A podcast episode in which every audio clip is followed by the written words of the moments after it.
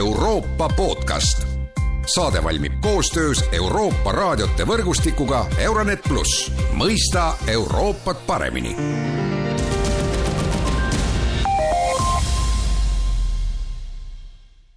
tere taas kuulama Euroopa podcasti. sel sügisel pole Euroopa podcastis juttu tehtud Euroopa suurimast probleemist ehk Ukraina sõjast. Täna selle vea parandame ja telefonil on Rahvusvahelise Kaitseuuringute Keskuse teadur Kalev Stoicescu, tere päevast! tere, Erki! ja mina olengi Erkki Paavski ja no alustame nende viimaste päevade suurimast uudisest, millest on muidugi maailma meedias juba palju juttu olnud, aga mitte meil, meie podcastis ja see on ukrainlaste vastu pealetung, et et ukrainlased on liikunud väga tugevalt edasi ja vabastanud noh, ligi kuus tuhat ruutkilomeetrit, võib-olla mõned andmed ütlevad, et veelgi rohkem maad venelaste käest, edasiminekut on olnud ka lõunas. Kalev, sinu kommentaar, et, et kuidas see ukrainlastel õnnestus ja mis olid selle vastu pealetungi edu peamised põhjused? no peamised põhjused äh, on need, et noh, mis puudutavad äh, siis ukrainlaste operatsiooni ettevalmistamist, mis äh,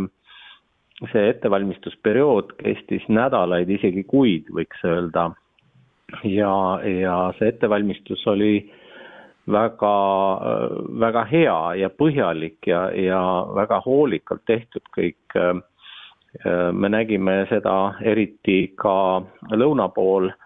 kuid ka tegelikult Põhja-Ukraina ja piirkondades, kuidas siis tänu USA-lt saadud HIMARS-i süsteemidele näiteks, kuid on siis Ukrainal õnnestunud rünnata ja hävitada Venemaa logistikabaase, näiteks äh, laskemoonaladusid,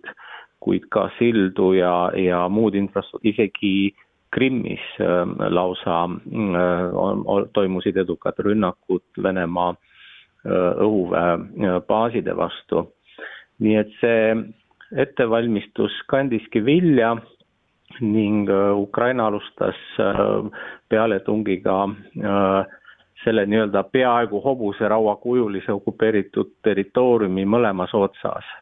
põhjas siis Harkivi oblastis, lõunas siis ähm, selle äh, Hersoni äh, oblastis äh, nende vägede vastu, mida koondati siis Dnepri parem ehk läänepoolsel kaldal. aga siis Ukraina vägedel õnnestus väga edukalt läbida Venemaa esimest kaitseliini Harkivi all ning siis selgus, et pärast seda oligi tükk tühja maad. seal ei olnud venelastel võitlusvõimelisi üksuseid, kes oleks neile tõsist vastupanu osutanud. ja nõnda siis ukrainlased ka saavutasid palju suurema edu, kui nad oleks võib-olla lootnud see kõik toimus kiiresti mõne päevaga sellise nagu lumepalli efektiga, aga see oli selge ka, et see peab kuskil pidurduma, sellepärast et ukrainlaste logistika äh, ei, ei jõudnud järgi ja nüüd on jälle selline taktikaline paus, ilmselt äh, käib järgmise operatsiooni äh, ettevalmistamine. no kas äh, sinu arvates vastab tõele see äh, väide, et ukrainlastel õnnestus äh, venelasi ka petta, et nad andsid nagu mõista, et äh, see suur löök tuleb lõunas Hersoni suunal, aga tegelikult valmistati ette hoopis seda põhilist pealetungi siis idas, et et ja venelased jäid seda uskuma. Või venelased teadsid seda, aga lihtsalt neil ei olnud ressursse, et ikkagi sellele ukrainlaste pealetungile vastu seista ei no kindlasti äh, Ukraina soovib ka mm, lõunas ähm, Hersoni oblasti äh, vabastada, äh, mis on venelaste jaoks eriti kriitiline, arvestades Krimmi poolsaare lähedust ja samas ka Lõuna-Ukraina kanali, mille kaudu mm, siis käib Krimmi poolsaare joogiveega varustamine see oli ju varem ka ukrainlaste käes ja venelastel tekkisid veega äh, ajuti probleeme Krimmis. kuid mida ma tahaks veel äh, välja tuua, on see, et äh, et Venemaa poolt okupeeritud territooriumide vabastamine mm, on ühest küljest oluline ja, ja Ukraina sõja seisu peegeldavale kaardile ilmuvad üha uued sinised alad, mis tähistavad vabastatud territooriumeid ja sõjanduse maailmas ongi ju sinised on omad ja punased on vastased, kuid palju olulisem vaba, vaatamata sellele, et vabastatakse nii maad kui, kui inimesi rängast okupatsioonist, on agressori ehk siis Venemaa sõjajõudude, see tähendab isikkoosseisu ja sõjatehnika hävitamine ja nõrgestamine. sest kui neid ei hävitata, ei, ja ei muudeta noh, füüsiliselt ja ka moraalselt võitlusvõimetuks, nad tulevad ju siis tagasi, ohustades taaskord neid vabastatud territooriumeid. seda on mitmes intervjuus rõhutanud ka Ukraina kõrged sõjaväelased, et see on nende edusammude peamine väärtus ja, ja, ja lisaväärtus lisaks territooriumide ja elanikkonna vabastamisele nii et äh, kui ütleme, Putini algsed eesmärgid, nagu Kreml neid äh, välja kuulutas, ähm, olid siis äh, demilitariseerimine ja denatsifitseerimine, Venemaa president pidas silmas muidugi Ukrainat, aga mina näen seda ümberpöördult ja ma pean silmas Venemaad ennast ja, ja siin Venemaa de demilitariseerimisega tegelevad ukrainlaselt äh, küllalt edukalt, ma ütleksin, see võtab aega, kuid see töö edeneb. mis aga puudutab Venemaa denatsifitseerimist, teiste äh, sõnadega deputiniseerimist, siis sellega peavad äh, tegelema juba venelased ise, see on nende endi enesepuhastus, mida keegi teine ei saa teha nende asemel no me nägime väga võikaid kaadreid ja pilte taas, kui ukrainlased jõudsid äh, vabastada Izjumi linnas ja Izjumi lähedal avastati taas massihaud äh, ligi viiesaja tapetuga. no see on taas äh, tõstatanud küsimuse sõjakuritegudest ja, ja nende uurimisest ja, ja, ja tundub, et rahvusvaheline maailm saab aru ju sellest, et praeguses staadiumis, arvestades neid sõjakuritegusid ja massihaudu, ei saagi ju rääkida vaherahust, sellepärast et äh, need tapmised ju tõenäoliselt Venemaa okupeeritud territooriumidel jätkuvad. no nii on, et äh, äh, kui on aus võitlus või võitlus võib kaotada ka väärikalt ja aga Venemaal seda võimalust ei ole, sest ta on rikkunud kõiki reegleid, rahvusvahelist õigust, on toime pannud selliseid kome-, koledaid kuritegusid, nagu sa mainisid, Butšas, Mariupolis, Izjumis, ka mujal algusest peale. Si-, siin ei saa olla enam sellist äh, lahendust, et äh, sellel sõjal, et Venemaa pääseb kuidagi mm, vastutuse kandmisest. ja ühest küljest peavad kandma vastutuse Äh, Venemaa poliitilised ja sõjalised juhid, kes on nende kuritegude taga kõige otsesemal viisil. siin ei saa öelda, et kuskil see käsuahel katkeb, et keegi mingi Venemaa polkovnik või isegi kindral andis näiteks käsu visata suur pomm Mariupoli teatrile või tappa sadu inimesi Izjumis ja sealt edasi enam vastutus ei, ei kandu. see kandub otseselt president Putini välja. tema on ju põhivastutaja, see ei ole lihtsalt võimalik, et tema ei ole nendest aktidest teadlik. ja ta ei ole ka neid lõpetada noh, proovinud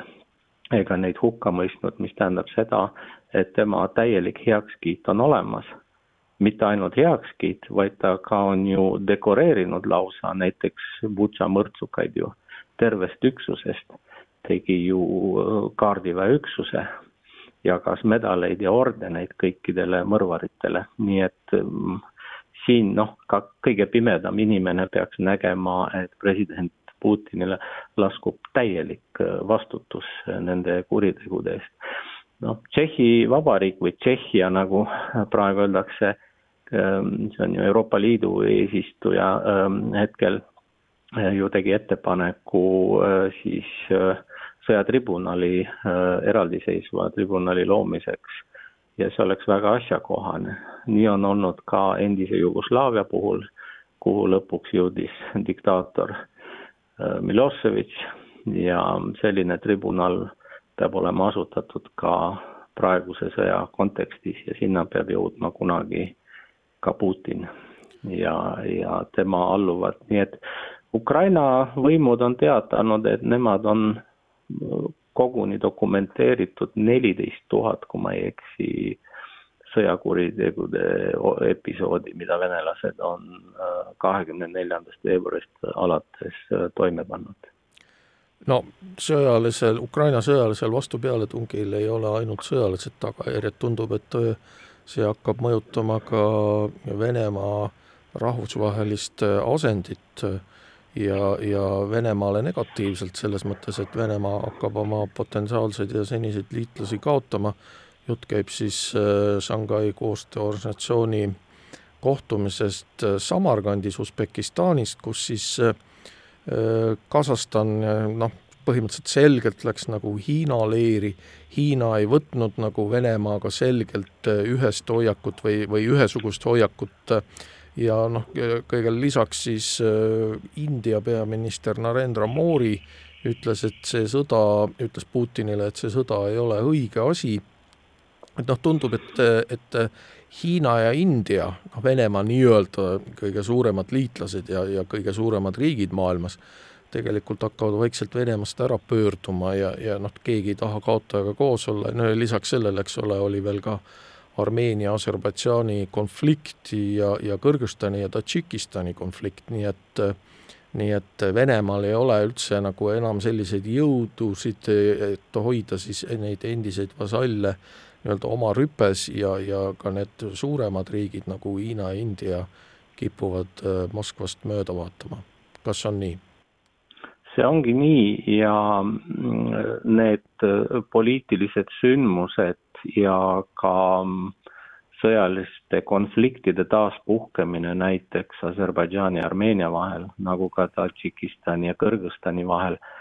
need tulenevad ju täiesti otseselt Venemaa lüüasaamisest äh, Harkivi all. ja, ja olla, võib täheldada lisaks ka Venemaal rahulolematuse kasvu, kui isegi poliitikud äh, on hakanud nõudma Putini äh, tagasiastumist, süüdistades teda ähm, kõiges selles halvas, mis praegu tegelikult, sest Venemaa on noh, toime pannud või noh, tekitanud sellise geopoliitilise maavärina, mis äh, selgelt on temale endale kõige kahjulikum. Nagu ikka, Venemaa saavutab kõike seda lõpuks, mida ta ei oleks tahtnud saavutada, kuni NATO laienemiseni välja ja, ja mõistagi juba enne kahekümne neljandat veebruarit, kui see uus agressioon algas, panustas Venemaa väga palju Hiinale. seetõttu ju kohtusid presidendid äh, Putin ja, ja Xi äh, Pekingis ju vahetult enne olümpiamängude algust. Äh, spekuleeritakse ja ma usun täiesti õigustatult, et Putin andis Xile väga selgelt mõista, et mis tal plaanis on kuid Hiina palus äh, siis äh, noh, seda edasi lükata äh, või siis panna toime agressiooni, e-, nii-öelda erioperatsiooni alles pärast olümpiamängude lõppu, mis ka tegelikkuses ju toimus. Ilmselt pidi ka Sii rehkendama kiire operatsiooniga, sest kõigil oli ju selge, isegi satelliidipiltide põhjal, et Venemaa suure noh, täiemahulise sõja jaoks ei olnud ette valmistunud selleks, et Ukrainat ähm, efektiivselt äh, okupeerida. aga noh, me ju kõik teame, kuidas see kõik ebaõnnestus ja ja, ja millised probleemid ja reaktsioonid on tekkinud ja toimunud viimase noh, pea seitsme kuu jooksul. ja on selge, et Venemaa sõda Ukrainas tekitab üha rohkem ebameeldivusi ja probleeme nii Hiinale, kes noh, otseselt on toetanud ja toetab Venemaad ikkagi, kui ka Indiale ja seepärast oli ju Putin sunnitud tunnistama Samarkandis avalikult, et et Hiinal on küsimusi ja probleeme seoses selle sõjaga. ja, ja nii nagu sa ka ütlesid, Erki, siis India peaminister Moodi äh, noh, avaldus oli ka väga selge, et, et probleeme tuleb teki-, noh, lahendada kahekümne esimesel sajandil rahumeelselt, diplomaatiliselt, mitte sõjaga, ta ütleski, et praegu pole aeg sõdimiseks, nii et need on väga selged signaalid. Ja nüüd me näeme, kuidas kaks üliolulist piirkonda Venemaa jaoks, Kaukaasia ja Kesk-Aasia hakkavad ära libisema. Ja needsamad Moskva mõju alt ja needsamad partnerid, Hiina ja Türgi ja Iraan kasutavad ära Venemaa nõrgenemise enda kasuks, et no nii ongi sellistes geopoliitilistes mängudes, kui üks pool jääb nõrgemaks, siis teised teevad endale õlgade ja küünarnukkidega ruumi. Äh, nii et siin ei ole ju mitte mingisuguseid liitlassuhteid Venemaa ja Hiina või India või Türgi või Iraani vahel. Need on väga pragmaatilised suhted. Putin teab väga hästi, et ta ei tohi näidata nõrkust, aga Venemaa paraku näitas nõrkust Ukrainas, et see Vene äh, hästi kardetud sõjavägi on paljuski müüt ja seda kasutavad nüüd ära aserid, tadžikid ja, ja kõik need konfliktid, äh, mida nii-öelda Venemaa justkui püüdis lahendada, see on näha, et see on lihtsalt tuli tuha all nüüd puhuvad uued tuuled jälle ja, ja need konfliktid äh, puhkevad äh, jälle äh, taas, nii et. Jääme siis seda rahvusvahelist pinevust jälgima, aitäh, Kalev Tšautšesku, et te kuulasite Euroopa podcasti, kõike head ja kuulmiseni!